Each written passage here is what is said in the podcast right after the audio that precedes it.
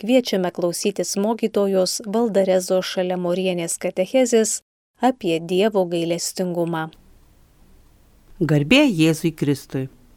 Šiandieną studijoje esu aš, Valdareza Šalemorienė, ir noriu su jumis pasidalinti Dievo gailestingumo pamaldumu, kuris yra labai stipriai palietęs mano širdį ir kaip jis pasiekė mano širdį ir ką nuveikė mano gyvenime. Viskas prasidėjo 1992 metais, kai vasarą aš atostogaudama pas tetą susitikau kunigą, kuris man padovanojo knygą Gaila minios.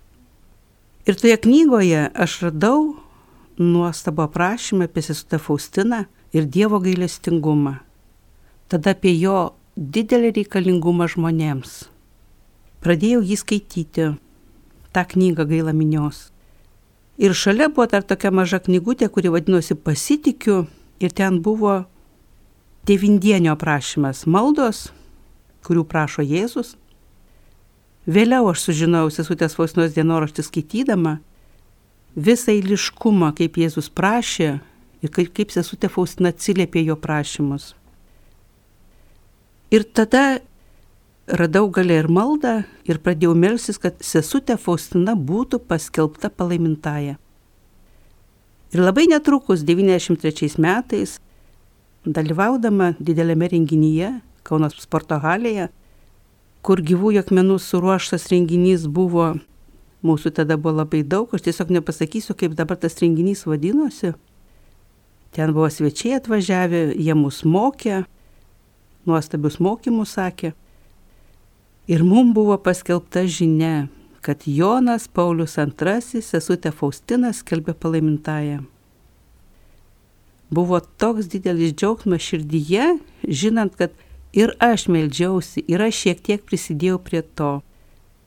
Ir nuo to pradėjo viskas keistis, nes nuo tos dienos aš turėjau melstis, kad sesutės Faustina būtų paskelbta šventąją. Aš toj maldoj padariau pataisimą tokį, kad iš inercijos skaitydama neperskaityčiau, kad būtų paskelbta palaimintaja, būtų paskelbta šventąja.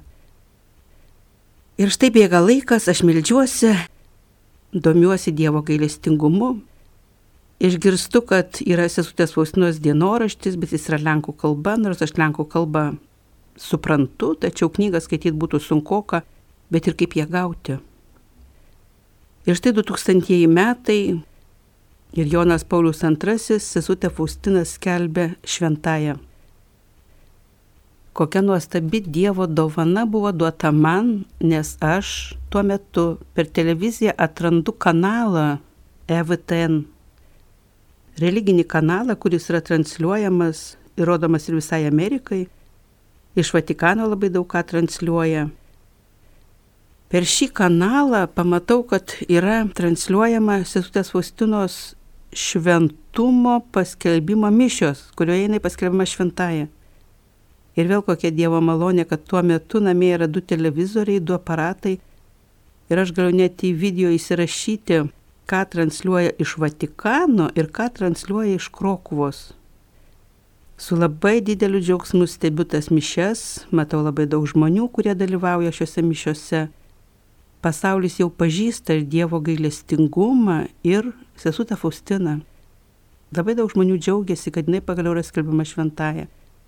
O tai reiškia, kad Dievo paskelbta žinia, kurios jis prašo, į kurią kreipia mūsų dėmesį, kad jinai yra skelbiama plačiam pasauliu ir žmonės tai pažįsta, tai atsiliepia. Prabėga keletą dienų, aš bandau įsijungti tą kanalą, nėra to kanalo skambinu į Initą ir klausiu, kaip atsitiko, kad va čia buvo toks kanalas ir dabar jo nebėra. Ir man paaiškina, kad tiesiog buvo įjungtas tyriant paklausą, ar daug žmonių žiūrės, ar žmonėms reikalingas toks kanalas.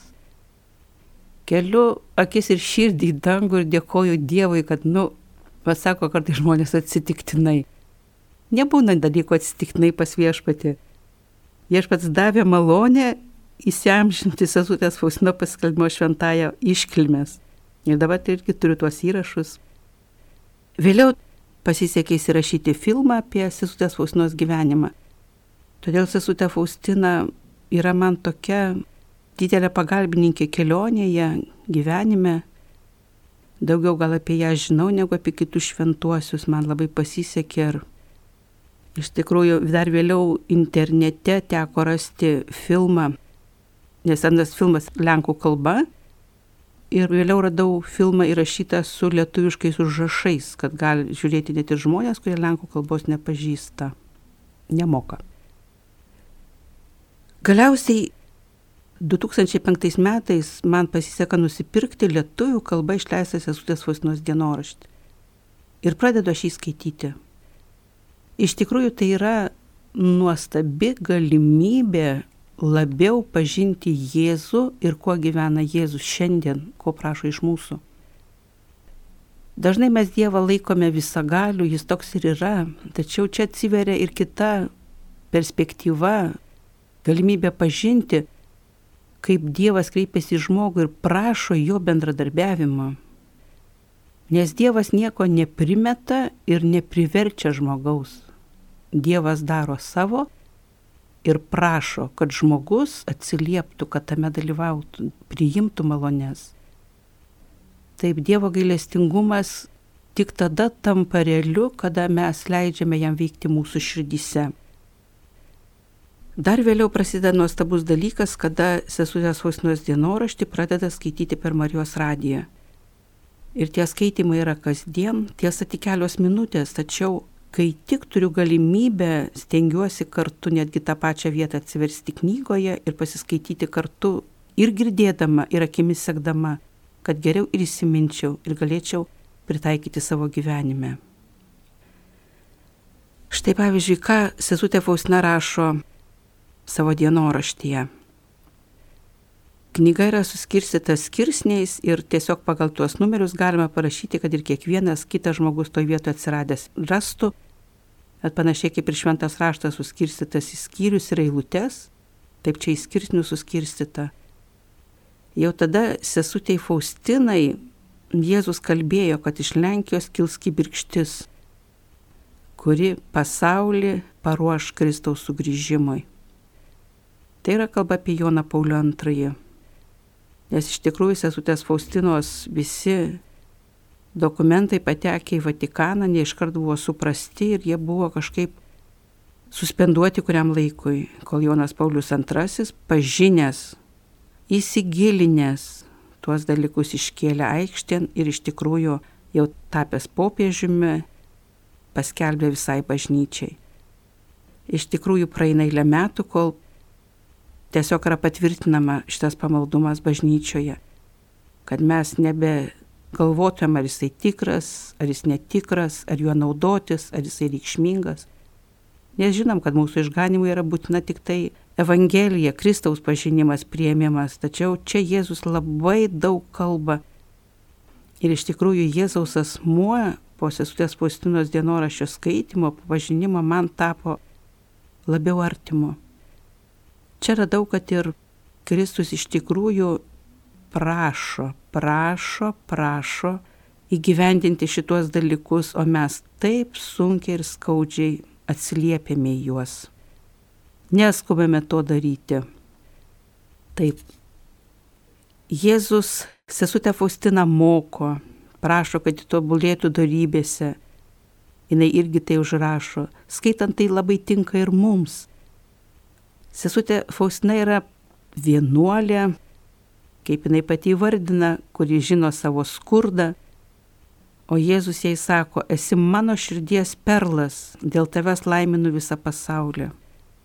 Mums kartais atrodo, ką mes vieni galime, kas nuo manęs vieno priklauso. O štai kaip perskaitai tokią eilutę ir supranti, kad tavo nuoširdumas, tavo primta Dievo meilė leidžia Dievui per tave vieną palaiminti pasauliu. Nes tai, ką sesutė darė, labai ne per daug sudėtinga yra ir mums daryti. Dar norėčiau ir paskaityti vėliau šiek tiek iš sesutės Faustinos dienoraščio, nes iš tikrųjų šitą knygą supratau, kad jinai mano namuose yra šalia šventojo rašto ir man tai yra iš tikrųjų po švento rašto pati svarbiausia knyga. Nes tai yra Jėzaus pasakyti žodžiai, jo prašymai, jo skundai. Nes Jėzus iš tikrųjų sako, nenoriu bausti išvargintos žmonijos, noriu išgydyti. Glausti prie gailestingosios savo širdies, bet žmonės nepriima. Ir sesutės Faustinos kartais net prašo, kad priimk tas malonės, kurių žmonės nepriima. Mano gyvenime buvo tokia situacija, kada mano tėvelis buvo mirties akivaizdoje, artėjo iškeliavimas iš šio pasaulio. Ir aš sužinojau, kad tėtis testamentą parašė labai neteisingai savo dukrų atžvilgiu. Ir aš iš tikrųjų žinodama, kad tėvelis tiesiog yra tokioje situacijoje, kad iškeliavimas artėja, maščiau, koks jis iškeliaus iš šio pasaulio. Ir buvo labai svarbu, kad tas testamentas būtų pataisytas, nes labai sena maldynė buvau skaičiusi, kad na, testamentas yra kaip viso gyvenimo vainikas. Ką tu žmogau per gyvenimą padarai, kaip teisingai sutvarkiai, tai turi labai dėlės įtakos ir iškeliaujantiems žinybėm. Ir štai aš išdrisau su tėčiu pasikalbėti, kad jis testamentą neteisingai parašė. Tuo metu tėtis supyko ir keletą dienų buvo tokia skaudi situacija, kada būnant pas tėtį, atrodė nebėra apie ką kalbėti, bet aš žinojau, kad aš kitaip negalėjau pasielgti. Aš labiausiai apie tai ir galvojau, koks tėtis iškeliaus, nes iškeliavęs jis nieko nebegalės pakeisti. Ir po trejato dienų jis man pasakė, vaikeli, permaščiau, supratau, kokią žalą padariau, pakviesk notarą, pakeisiu testamentą. Nes nuo tos dienos, kada va tarp mūsų su tėčiu pasidarė įtampa, aš nenustojau melstis Dievo gailestingumo vainikėlio uždėti. Nes toks ir nuostabus Jėzaus pažadas yra, kas melsis prie mirštančiojo, viešpats bus ne kaip teisėjas, bet kaip gelbėtojas. Ir kada mes iš tikrųjų esam tokioje situacijoje, kada lyga žmogų iš tikrųjų kausto ir akivaizdžiai matosi, kad ta valanda artėja, mes nežinom, kada jinai bus, iš anksto faktiškai galime melstis už artimuosius, prašydami tai valandai kad viešpats būtų šalia mirštančiojo. Iš tikrųjų buvo labai didelis džiaugsmas, kad ateitis pakeitė viską, palaimino mūsų sese ir iškeliavom žinybėn. Ir iš tikrųjų iškeliavus liko ir tokia ramybė širdyje ir žinojau, kad dėkojau Dievui, kad viską tuo metu teisingai padariau. Dar kitas Dievo gailestingumo išgyvenimas mano širdie labai giliai įsirėžė kada prieš jau dabar prieš aštuonis metus atsitiko toks, na, skaudus įvykis ir iš mūsų namo aštuntą aukštą iškrito mergina. Pamačiau aš tai visai atsitiktinai, jeigu būčiau išėjusi per duris ir negryžusi palaistyti gėlių ant palangės, nebūčiau pamačiusi to įvykio, būčiau sužinojusi tik vėliau, paskui vėl supratau, kodėl tada aš grįžau tiesiog. Ir kada iš tikrųjų žmonės laukia greitosios pagalbos atvažiuojant, o man iš tikrųjų iš namų jau reikėjo išeiti, aš smalsauti ilgiau nebegalėjau. Aš eidama pradėjau melstis Dievo gailestingumo vainikėlį už tą merginą, kuri gulėjo ant žemės ir artimieji raudojo ir laukė atvažiuojant greitosios. Ir pradėjus melsti šį gailestingumo vainikėlį, aš savo sieloje išgirdau tokį klausimą, ar viena melsies? Ir tada aš puikiai supratau, kad labai galinga malda yra, bet jeigu meldžiasi du ar trys, tai yra iš tikrųjų kaip Jėzus ir pažadėjęs, kad Dievas suteiks malonę. Tada skambinau savo dviem bičiuliams ir mes trys tuo metu visus darbus atidėjusios į šalį, aš tiesa eidama tada jau keliu, meldėme gailestingumo vainikėlį. Ir po to jau, kai grįžau vakare, sužinojau, kad net valandą laiko greitoji pagalba stovėjo ir nežinojo, ką daryti, negalėjo nustatyti, ar jinai yra gyva, ar jinai yra mirusi. Ar kviesti policiją, ar konstatuoti, kad jinai mirusi, ar ją vežti į klinikas. Ir po valandos laiko jinai buvo išvežta į klinikas. Tikrai didelis stebuklas, labai daug darbavosi medikai, labai daug rūpinosi mama, kad medikai iš tikrųjų viską padarytų, ką gali, savo meilę glėbė ir prašė. Ir ši mergina eina savo kojomis. Nes iš tikrųjų situacija jos buvo baisi, ilgą laiką buvo dirbtinėje komoje, nesgi tai būtų organizmas net laikęs būtų numirus. Stuburas buvo trūkęs trijose vietose. Nu, vienu žodžiu, iš tikrųjų, kaip medikai pakelia rankas ir gali pasakyti, kad tai yra stebuklas, kad jinai šiandien ne tai, kad yra gyva, bet kad jinai eina savo kojomis. Tiesa, tas įimas yra nelengvas, iš toli matosi, kad žmogus yra pažeistas, nes jos buvo paralyžiuotos čiurnos, bet jinai eina, jinai gali nueiti iki automobilio, jinai važiuoja automobiliu, jinai turi tokį dabar ne visai sveiką kūną, bet labai sveiką sielą. Ir iš tikrųjų jinai taip pat pažino Dievo gailestingumą ir juo naudojasi. Ką dabar labiausiai, ko gero, norėčiau kažką paskaityti iš sesutės Vausnos dienoraščio, nes labiau nei aš kalba mūsų viešpaties žodžiai. O jei nusidėliai pažintų mano gailestingumą, tiek daug jų nepražūtų Kalbėk nuodėmingoms sieloms, kad nebijotų prie manęs prisertinti. Kalbėk apie didį mano gailestingumą. Kiekvienos sielos praradimas panardina mane mirtiną liūdėsi. Visada mane paguodi, kai meldiesi už nusidėjėlius. Man maloniausia malda - malda už nuodėmingų sielo atsivertimą. Žinok, dukra mano, kad šios maldos visada išklausau. Ir iš tikrųjų, vat, perskaičiu šituos žodžius ir dažnai jos prisimenu, nes šie žodžiai kiekvienos sielos praradinimas nardina mane mirtiną liūdės yra ir devindienio maldose. Mane tai labai paskatina pačiai naudotis Dievo gailestingumu ir kalbėti žmonėm apie tai kad žmonės pažintų, mylėtų Dievą, nes kai mylime viešpatį, niekas nebebaisu, nes kartu su juo galime perėti per ugnį ir vandenį. Ir kad mes viešpatį paguosti galime, viešpars prašo prisidėti. Štai mes kartais galvojam, kad Dievas yra gailestingas, kai tenka kalbėti su žmonėmis, kurie neskiria dėmesio tikėjimui, bėga per gyvenimą, jie tiesiog įvardina, kad nieko blogo nedarau, Dievas yra geras, gailestingas, jisai žino, kaip aš gyvenu. Taip, Dievas žino, bet ar tu žmogau pasisuki viešpati, kad suprastum, kad reikia dialogo, kad Dievo gailestingumu reikia naudotis čia ir dabar. Teko ir mokykloje su mokiniais žiūrėti vieną įrašą, kuriame kunigas gyvenantis Amerikoje trečios avarijos metu nusisuko sprandą numirė. Keliavo ir nukeliavo į Dievo teismą. Išoriškai tuo metu niekas nežinojo, kad jis yra Dievo teisme, nes po avarijos jis buvo medikų nugabentas ligoninė, buvo dirbtinai palaikoma gyvybė, aplink buvo per naktį paliktos bažnyčių durys, kad aplinkiniai žmonės žinodami galėtų rinktis ir melsis už šitą žmogų. Ir va, jis kaip ir pasakoja, kad kaip jis atsitiko taip, kad pas jį buvo pažeistas stuburas, trauma, kuri vadinasi pakaruoklio trauma. Reiškia, pažeistas stuburas taip, kad žmogus nebegali gyventi. O jam pasirodo net operacijos nereikėjo. Jis išbūna ligoniniai, grįžta, pradeda dirbti atgal parapijoje, pradeda aukoti šventas mišes ir vienų šventų mišių metu jam yra parodoma, kas vyko, kaip jis buvo Dievo teisme nes kol jisai sirgo, tai nuo jo akių buvo paslėpta.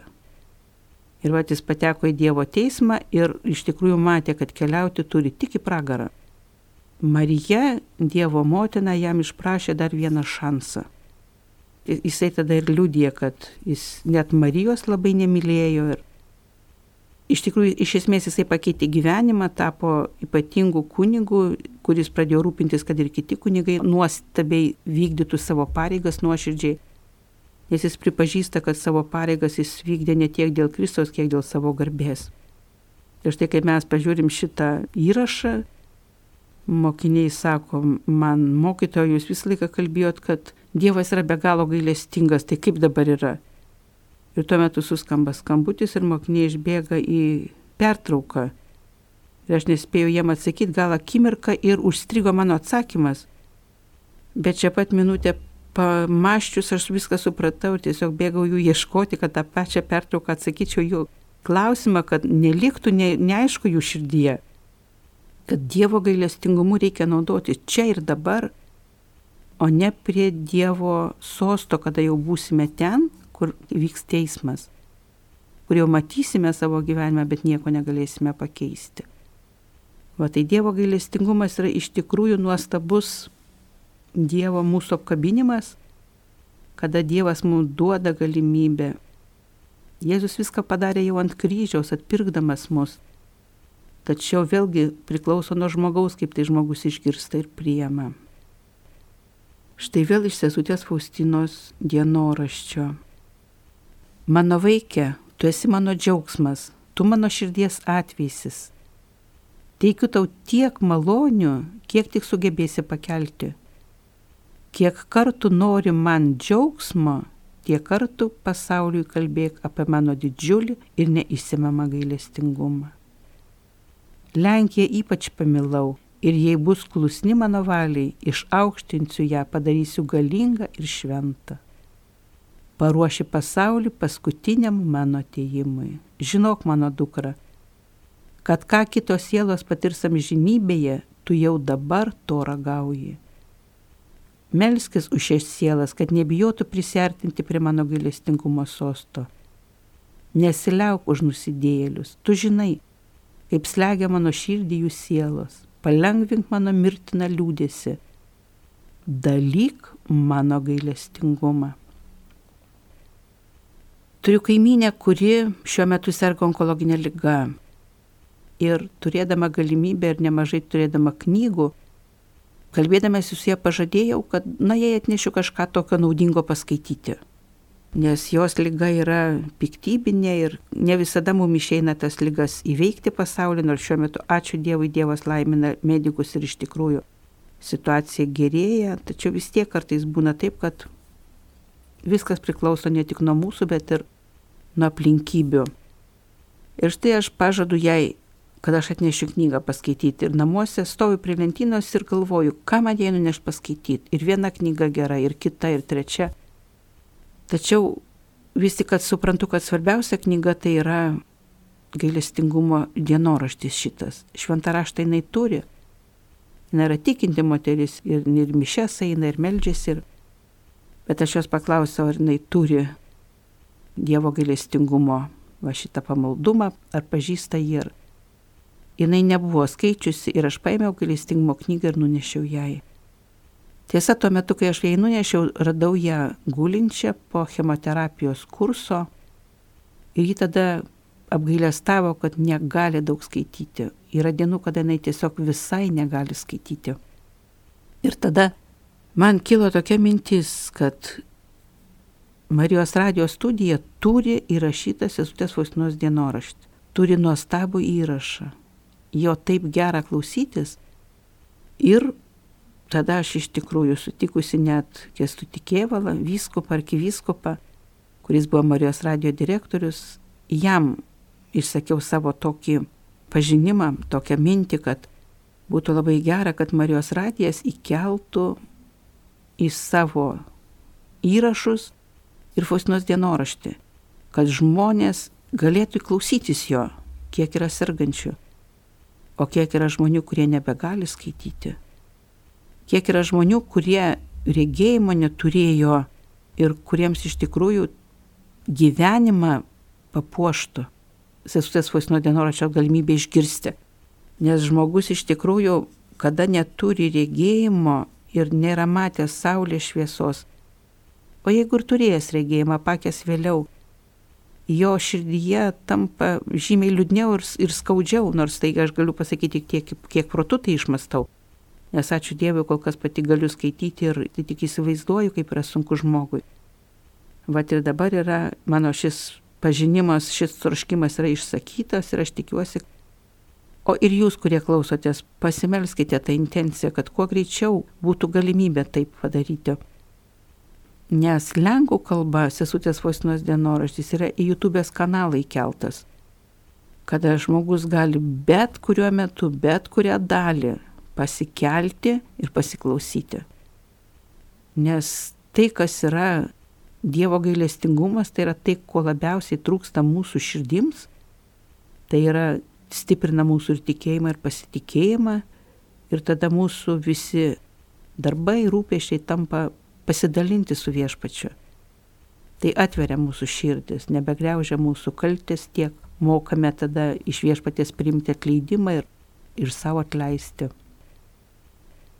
Ką viešpats sako apie patį tabernakulį. Paskaitysiu konkrečiai, kad galėčiau ne tik keliais žodžiais pasakyti. Žiūrėk sielą, dėl tavęs pastačiau gailestingumo sostą žemėje, o šis sostas yra tabernakulis. Ir nuo šio sosto trokštų įžengti į tavo širdį. Žiūrėk, manęs nesupa nei palyda, nei apsauga Gali ateiti pas mane kiekvieną akimirką, kiekvienu dienos metu trokštų su tavimi kalbėtis ir trokštų teikti tau malonių. Ir tada siela atsiliepia, viešpatė bijau, kad net leisi man tokios nuodėmio gausybės. Nerima mane pripildo mano skurdas. Ir toliau Jėzus sako, mano gailestingumas yra didesnis už tavo ir viso pasaulio skurdą kas išmatavo mano gerumą. Dėl tavęs nužengiau iš dangaus į žemę, dėl tavęs leidausi prikalamas prie kryžiaus. Dėl tavęs leidau jėtimi atverti švenčiausiąją savo širdį ir atvėriau tau gailestingumo šaltinį. Ateik ir semk malonę iš šio šaltinio pasitikėjimo indu. Nusižeminusio širdies niekada neatstumsiu Tavo skurdas nuskendo mano gailestingumo bedugnėje. Kodėl turėtum su manim ginčytis dėl savo skurdo? Suteik man malonumą, atiduodama visas savo bėdas ir visą skurdą, o aš tave pripildysiu malonės turtu. Iš tikrųjų, sesutės Fosinos dienoraštis pas mane yra daug kur pabraukytas, prižymėta visokių dalykų. Esu net pasidariusi tokį dalyką, kaip labai trumputės sampratas pasirašiusi, kuriame skirsnė apie ką yra kalbama. Ir štai viešpats sako, prieš ateidamas kaip teisingumo karalius, ateinu kaip gailestingumo karalius. Šiandien taip pasaulyje vyksta viskas, kad turime tikėjimą, aiškiai matome, kad laikai yra tikrai labai sunkus. Bet kartai žmonėms kyla klausimas, kodėl viešpats nekeičia Iš tikrųjų šis metas yra Dievo gailestingumo metas, kada mes kiekvienas dar galime labai labai daug padaryti. Ir jeigu manęs kas šiandieną paklaustų, koks yra mano Dievo vardas, tai aš šalia vardo Jėzus pasakyčiau, kad mano Dievas yra gailestingumas.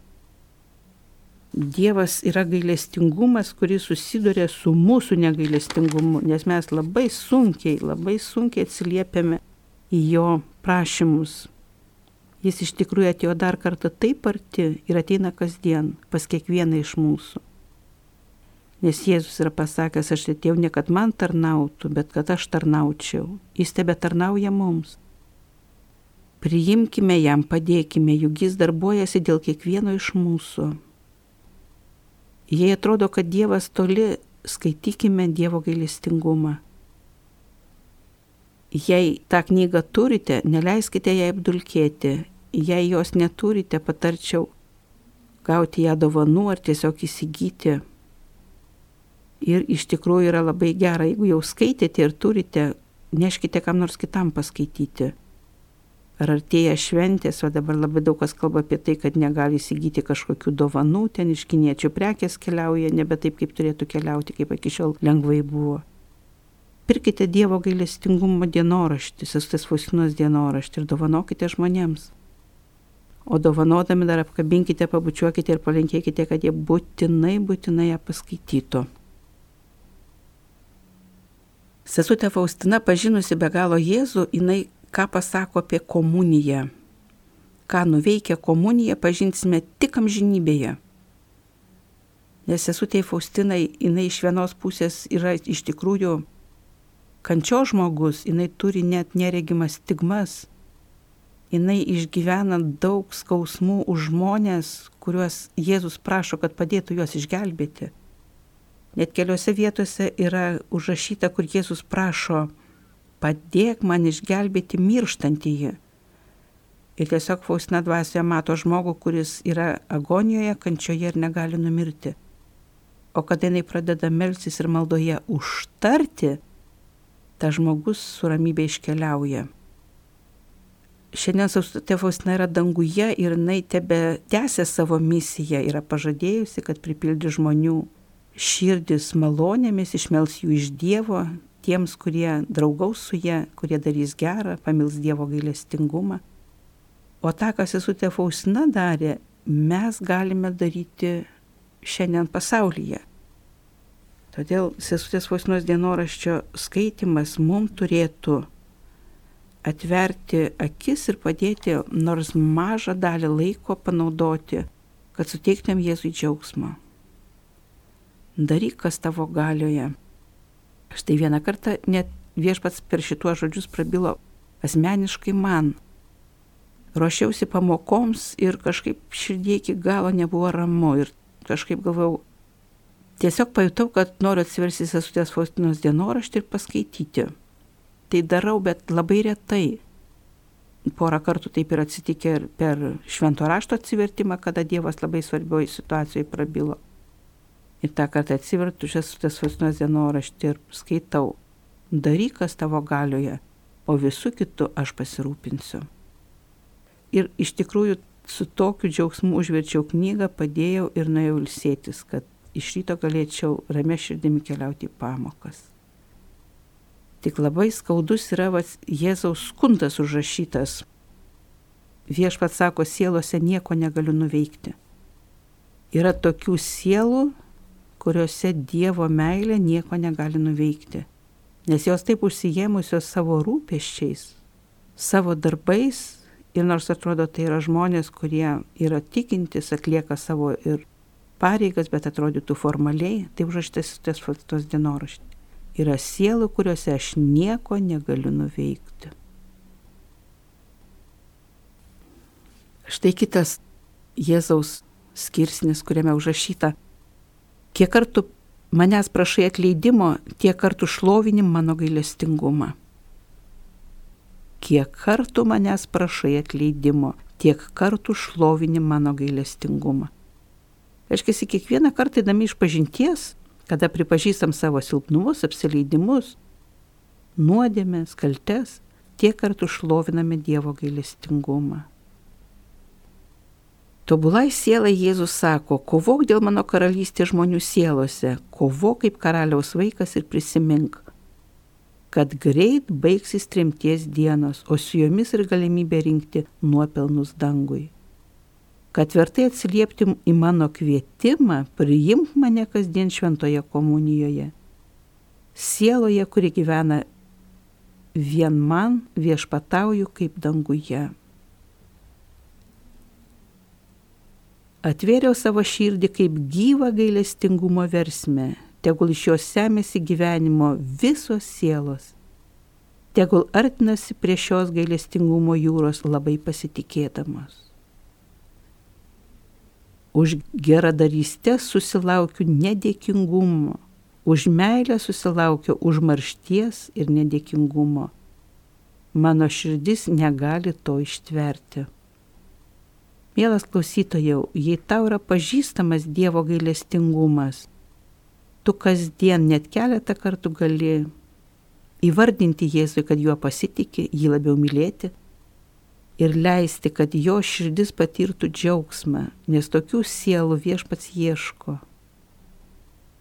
Išlieju visą jūrą malonių sieloms, ten nebijo artintis. Mėly klausytojai, štai tiek būtų mano džiaugsmą pasidalinant su jumis Dievo galestingumo pažinimu, kuris tebesitęsia.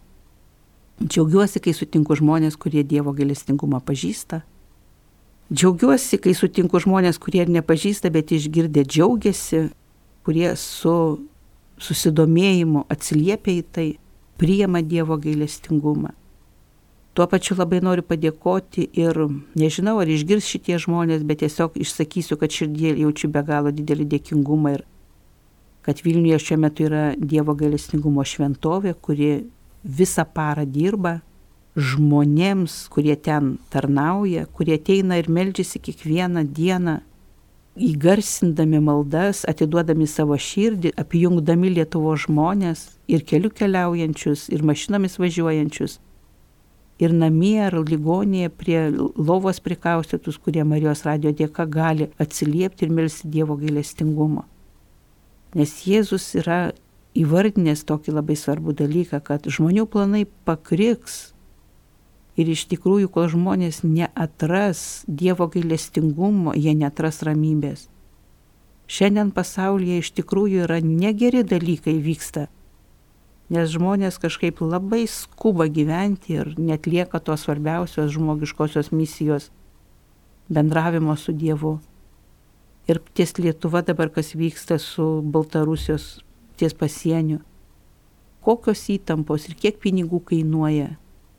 Tie, kurie galime, apkapinkime viešpaties širdį, prašykime jo gailestingumo, melskime atsivertimo žmonėms kad galiausiai viešpats nebepatirtų liūdėsio, mirtino liūdėsio, kad sielos pasirinkusios viešpatį tarnautų vienos kitam su meile ir ramybė ateitų į mūsų šalį.